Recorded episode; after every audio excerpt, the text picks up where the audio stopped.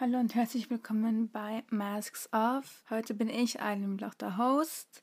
Und das Thema für heute sind die Reisebeschränkungen. Also, folgenden Informationen, die Sie hören werden, sind Informationen aus dem äh, 17. Juli 2021. Ich sage das nur, weil die Regeln sich oft ändern, sodass Sie immer nachschauen können, ob die Regeln immer noch gelten. Also, ich fange schon mal an. Wie Sie vielleicht wissen, sind die verschiedenen Länder in Farben geordnet. Das heißt, es gibt grüne Länder, es gibt orange Länder und es gibt rote Länder. Äh, ja, also erstmal die grünen Länder. Das sind Länder, wo Sie hinfahren oder fliegen können, ohne in Quarantäne zu gehen müssen. Aber Sie müssen einen Schnelltest bei der Grenze in Norwegen machen. Das heißt, wenn Sie zum Beispiel nach Deutschland fahren möchten oder fliegen möchten, dann können Sie da hinfahren oder fliegen. Und dann, wenn Sie wieder zurück nach Norwegen kommen, müssen Sie bei der Grenze einen Schnelltest machen. Das dauert normalerweise nicht mal 10, 20 Minuten. Dann wartet man da und dann, wenn der Test äh, negativ ist, dann, also da muss man nicht in Quarantäne oder so. Ich kann Ihnen die jetzigen grünen Länder vorlesen. Also erstmal ist Österreich, Belgien, Bulgarien, Kroatien, die Tschechische Republik, Estonien, Frankreich, Ungarn, die Schweiz, Slowakien, Polen, Estland, Griechenland, Island, Italien, Liechtenstein, Litauen, Malta, Rumänien, San Marino und Deutschland. Das sind die grünen Länder, wo sie nicht in Quarantäne müssen. Also bei mir zum Beispiel, ich war in Deutschland, meine Familie und ich, wir sind mit der Colleline nach Kiel gefahren und das war einfach ganz, das war, das war eigentlich ganz schön, weil man konnte die Colleline ganz normal nehmen. Man musste, man musste zwar eine Maske tragen, während man im Schiff war, also außerhalb der Kabinen natürlich, aber es war wirklich ganz schön. Die haben es auch schön organisiert. Darum empfehle ich Ihnen, falls Sie zum Beispiel nach Deutschland fahren möchten, empfehle ich die Colleline. Und dann mussten wir, als wir zurück in Norwegen kamen, oder Oslo kamen, dann mussten alle, die nicht voll geimpft sind oder die noch überhaupt nicht geimpft wurden, mussten ähm, diesen Schnelltest machen. Und das ging eigentlich ganz schnell. Man musste halt in einer Reihe warten, aber das haben die auch eigentlich ganz gut organisiert. Darum empfehle ich Ihnen, falls Sie reisen möchten, dass Sie nach Kiel mit der Colorline fahren. Ich kann auch erstmal etwas über die rote Länder erzählen. Falls man in rote Länder wie zum Beispiel die Türkei war, dann muss man in Quarantäne, äh, zumindest wenn man nicht die Impfung bekommen hat.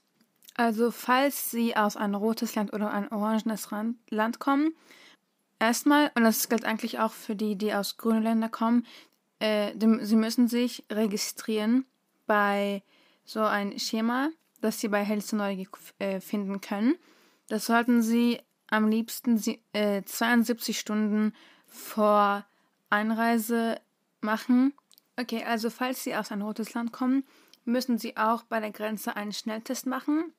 Und man muss auch in das in Reisequarantäne, wie es heißt, also Reisequarantäne auf Norwegisch. Das kann man entweder zu Hause machen oder bei Quarantänehotel.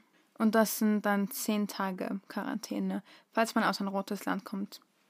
Und dann noch ein paar Tipps für Auslandsreisen. Also wenn Sie denn noch eine notwendige Reise antreten müssen, gibt es einige Regeln, die Sie bedenken sollten natürlich. Zum Beispiel, was alles die äh, Reiseversicherung abdeckt, sodass falls Sie zum Beispiel Corona kriegen, während Sie im Ausland sind, dann kann es sein, dass Sie vielleicht Geld zahlen müssen oder irgendwie sowas. Darum ist es wichtig, nachzuschauen, was alles die Reiseversicherung deckt. Ähm, ja, und dann haben natürlich alle Länder ihre eigenen Einreisebestimmungen. Und ja, sie können halt frei entscheiden, welche Anforderungen sie an Reisende stellen. Deswegen müssen sie sich mit denen in dem Land, in das sie reisen, die geltenden Regeln zutrauen und sich dazu halt zupassen. Das ist sehr wichtig. Weil man kann ja viele Länder eine Strafe kriegen, falls man, falls man sich nicht an den Regeln haltet.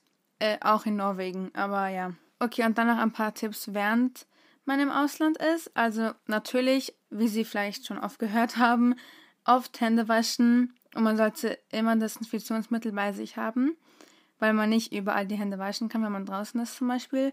Und natürlich immer, immer Abstand halten, wie Sie auch wissen. Also am liebsten natürlich zwei Meter, aber wenn es nicht geht, halt ein Meter und halt Maske tragen, falls, es, falls man nicht einen Meter Abstand halten kann.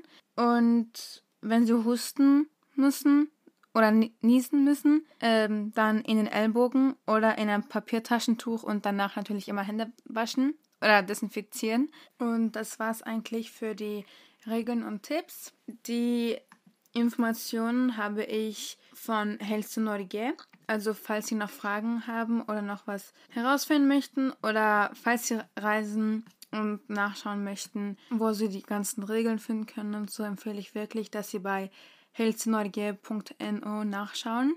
Da kann man alle Regeln nochmal durchlesen. Und ja, das war's. Dieser Podcast wurde gepaart mit Radio Inter FM und gefördert durch MD. Äh, danke fürs Zuhören und bis nächstes Mal. Tschüss.